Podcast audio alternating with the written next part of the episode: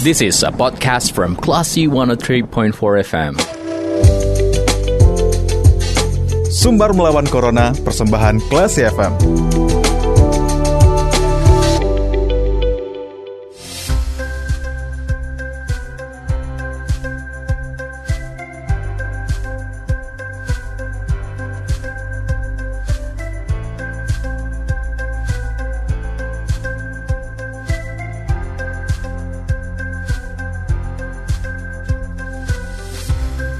103,4 Classy FM bersama kita melawan Corona. Classy People, terima kasih masih mencermati Comfort Time dan saatnya Anda mencermati sumber melawan Corona bersama saya, Bimo Alvaro.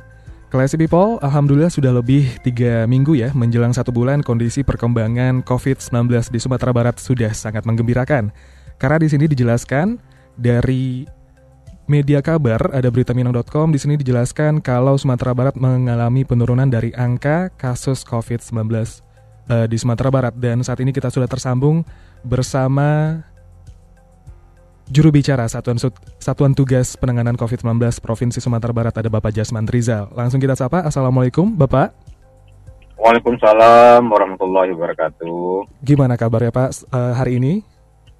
Alhamdulillah sehat semua dan kita doakan semua kita sehat-sehat selalu dan mudah-mudahan COVID semakin melandai. Gitu. Amin, ya Allah. Oke, Bapak di saya, saya dapat kabar kalau misalnya Bapak lagi di jalan sekarang. oh iya. Oke, Bapak. Masih bisa meluangkan waktu ya Pak untuk bisa berbicara bersama Ya, kita? Uh, saya udah berhenti nih. Oke, udah berhenti ya Pak ya. Oke, Bapak uh, dari berita yang saya dapat dari berita minang.com di sini dijelaskan Sumatera Barat uh, mengalami penurunan penurunan kasus. Ini kalau boleh uh, bisa dijelaskan apa faktor yang bisa menjelaskan kalau Sumbar mengalami penurunan dari PR-nya kah atau mungkin dari angka keterisian uh, kasur di rumah sakit atau gimana ini Pak? Jadi terima kasih ya. Saya tadi kan pagi tadi mengeluarkan rilis uh, dalam beberapa minggu ini udah lebih tiga minggu menjelang satu bulan. Mm-hmm. Ternyata kondisi pandemi kita itu perkembangan COVID kita sangat bagus ya dan menggembirakan. Uh, setiap hari itu selalu pertambahan positif kita lebih banyak dari ke, uh, eh, pertambahan kesembuhan kita selalu lebih banyak dari yang uh, positif dan tingkat kematian juga menurun. Nah, pertama ya kita uh, patut uh, merasa senang karena artinya apa kondisi penyebaran COVID di Sumatera Barat itu telah mulai bisa terkendali, terkontrol. Hmm. Hal ini disebabkan karena tingginya tracking dan tracing kita berhasil uh, di jalur yang benar. Hmm. Kita melihat sekarang uh, tracing kita, it, apa positivity kita cenderung menurun ya, biasanya sampai 40 persen, 30 persen. Nah hari ini ya berkisar di bawah 20, ada kemarin malah 9 persen. Hmm. Uh, itu kan uh, karena didukung selama ini uh, semua kabupaten kota telah melakukan tracing dengan baik, kemudian juga testing rate kita tinggi, ya testing rate uh, uh, kontak kontak rate ya tinggi, hmm. kemudian juga pengendalian. Nah ini pengendalian ini intinya di sini adalah pengendalian uh, dari prokes itu sendiri, ya termasuk juga uh, apa uh, kita uh, sekarang itu bagaimana uh, penanganan di hulu itu. Jadi intinya sebetulnya uh, dalam penanganan COVID ini itu adalah penanganan di hulu, bukan di hilir. Kalau di hilir kan udah sakit, rumah sakit itu di hilir. Hmm. Sekarang kemarin kita lihat banyak sekali malah tabung oksigen kita kekurangan oksigen, uh, kita bor kita sangat uh, di atas 80 persen. Nah hari ini dalam beberapa minggu ini malah kasus aktif kita, ya kasus aktif kita itu dari 15 ribuan sekarang sudah dari 5 ribuan. Artinya dalam beberapa minggu ini 10 ribu orang itu sudah pulang ke rumah dan sembuh hmm. dan termasuk juga beberapa persen yang meninggal. Hmm. Nah, hal ini eh, kita patut berterima kasih ya kepada masyarakat karena intinya penanganan COVID ini adalah masyarakat. Sehebat apa pun kita pemerintah ya eh, membuat program dan segala macam, tetapi kalau masyarakat sendiri tidak dukung dan melaksanakannya, jadi eh, rasanya percuma saja. Jadi tracking dan tracing kita tinggi, kemudian positivity rate kita uh, sekarang udah rendah, testing rate kita tinggi, apalagi kita melihat uh, uh, pelaksanaan uh, apa ya uh, oleh oleh surveillance di lapangan sangat luar biasa. Dan kita berterima kasih juga kepada nakes ya tenaga kerja rumah sakit yang telah uh, mencoba uh, sekuat tenaga ya bagi teman-teman muda sahabat kita, teman kita atau anak kita yang sekarang lebih sakit karena COVID, hmm. mereka membantu dengan semua tenaga. Dan ini patut kita apresiasi.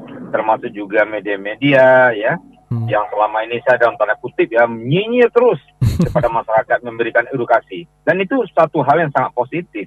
Betul. Uh, kita kita lihat bahwa kalau tidak nyinyir gimana ya? Uh, kita tidak tahu juga ya apa yang akan terjadi. Hmm. Jadi terima kasih media-media termasuk juga kelompok-kelompok masyarakat ya hmm. yang uh, komunitas-komunitas yang mendukung pelaksanaan ini.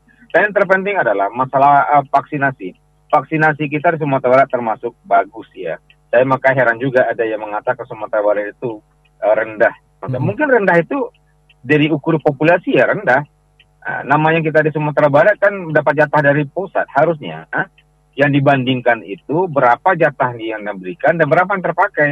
Hmm. Bukan jumlah yang diberikan ke Sumbar dibandingkan dengan jumlah populasi yang nggak imbang lah. Makanya saya selalu protes itu. Harusnya kita melihat secara objektif berapa yang dipakai, berapa yang diberikan. Nah ternyata Sumatera Barat malah justru kekurangan vaksin. Hmm. Udah antri beberapa lama, saya udah melihat, mencoba beberapa waktu lalu. Udah kita antri, tahu-tahunya vaksinnya habis. Hmm. Jadi itu yang beberapa hal. Jadi kita berharap COVID ini makin lama makin turun. Nah, terpenting itu adalah protokol kesehatan kepada masyarakat tetap dilaksanakan dengan sebaik-baiknya. Itu sementara. Oke, Pak. Ini juga tidak menutup kemungkinan dari kegiatan vaksinasi yang beberapa bulan dijalankan turut me memberi andil ya Pak dalam penurunan kasus COVID-19 di Sumbar nih Pak. Jadi banyak hal ya, di samping vaksinasi ya, kemudian juga kesadaran masyarakat, kemudian adanya penindakan-penindakan uh, sesuai Perda nomor 6 tahun 2020 dan AKB ya adaptasi kebiasaan baru hmm. termasuk juga uh, apa imbauan-imbauan masyarakat pokoknya semuanya saya melihat ada kolaborasi semua stakeholder apakah termasuk juga institusi informal yang ada di negara-negara di desa-desa yang telah turut berperan uh, uh, berperan sangat penting ya uh, dalam dalam uh, memperkecil penyebaran COVID ini. Hmm. Ya, institusi informal itu seperti angku-angku, alim ulama, jadi pandai, nenek mama, bunuh hmm. kandung, pari negari, semuanya saya terlibat sekarang. Oke, pemuka adat ya Pak ya? Oke. Iya. Oh. Oke Pak, dan uh, untuk melihat dari data per kabupaten dan kota di Sumatera Barat, selain Padang, apakah ada penurunan juga Pak? Rata-rata semuanya. Rata-rata ya, semuanya? memang Padang Padang memang penyumbang terbesar ya karena jumlah penduduknya besar, termasuk juga testing rate-nya tinggi, tracing-nya juga bagus. Hmm. Akhirnya PR-nya mereka malah rendah. Ya rendah itu, positif mereka rendah. Nah, karena testing rate itu tinggi tadi. Nah, kita berharap ya hampir merata ini Sumatera Barat. Yang yang dulu kita khawatir karena itu kan daerah-daerah daerah yang yang apa ya jauh dari perkotaan Betul. itu banyak menyumbang selama ini. Nah, Betul sekarang sudah terkendali. Alhamdulillah. Alhamdulillah. Uh, dan kita harapkan juga walaupun sudah divaksinasi yang namanya progres uh, prokes tetap dijalankan apa ya mau keluar rumah oh, tetap iya. pakai masker. Jadi begini ya kita ingin sampaikan juga kepada masyarakat divaksin itu bukan berarti kita akan tidak terinfeksi salah itu. Ya, kalaupun kita sudah ter, uh, telah divaksin, tetapi kalau protokol kesehatan kita tetap uh, apa tidak melaksanakan dengan baik, ya tetap kena. Nah, ya, Hmm. Nah, tetapi gini, dengan divaksin itu, itu resiko kita untuk uh, berat ya akan akan tidak terjadi. Malah kita nanti uh, seperti flu dan demam biasa aja lagi. Hmm. Nah itu makanya meringankan. Jadi vaksin itu akan meringankan. Dan Baik. saya yakin kalau kita ini ya uh, kita akan uh, kalau tidak hati-hati kita akan terpapar semua. Makanya kita hati-hati. Hmm. Protokol kesehatan tolong dijaga betul. Baik. Dengan dengan sebaik-baiknya. Dan mari kita saling saling mengingatkan, jangan hmm. marah kalau teman-teman orang-orang lain mengingatkan kita gitu. Hmm. Oke, Bapak. Dan uh, Bapak juga uh, pernah terpapar ya Pak ya, sudah konversi negatif dan pasti oh, Bapak iya. juga sudah berpengalaman soal bagaimana yeah. menjaga diri apalagi dengan asupan nutrisi selama terpapar Covid ya Pak ya. Iya, iya, iya. Oke Bapak, terima kasih banyak waktunya Bapak lagi di jalan. Mohon maaf mengganggu ya Pak ya. Ya nggak apa-apa. Salam ya buat semua, semua uh, yang Klasi FM. Baik, Bapak nanti disampaikan salamnya dan Bapak tetap uh, sehat-sehat terus dan semoga bisa ketemu lagi di lain kesempatan. Assalamualaikum. Waalaikumsalam warahmatullahi wabarakatuh. Baik, Classy People, itu ada Bapak Jasman Rizal selaku uh, Judbir Satgas COVID-19 Sumatera Barat yang sudah meluangkan waktu untuk berbicara bagaimana uh, penurunan COVID-19 di Sumatera Barat sudah uh, terjadi selama tiga pekan belakangan dan hampir satu bulan. Dan diingatkan terus untuk Classy People yang belum vaksin, silakan vaksin.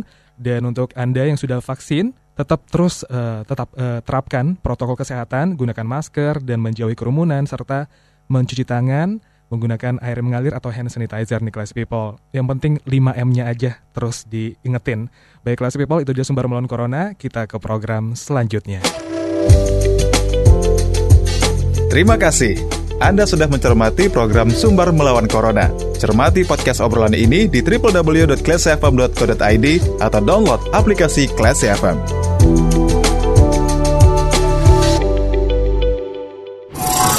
This is a podcast from Classy 103.4 FM.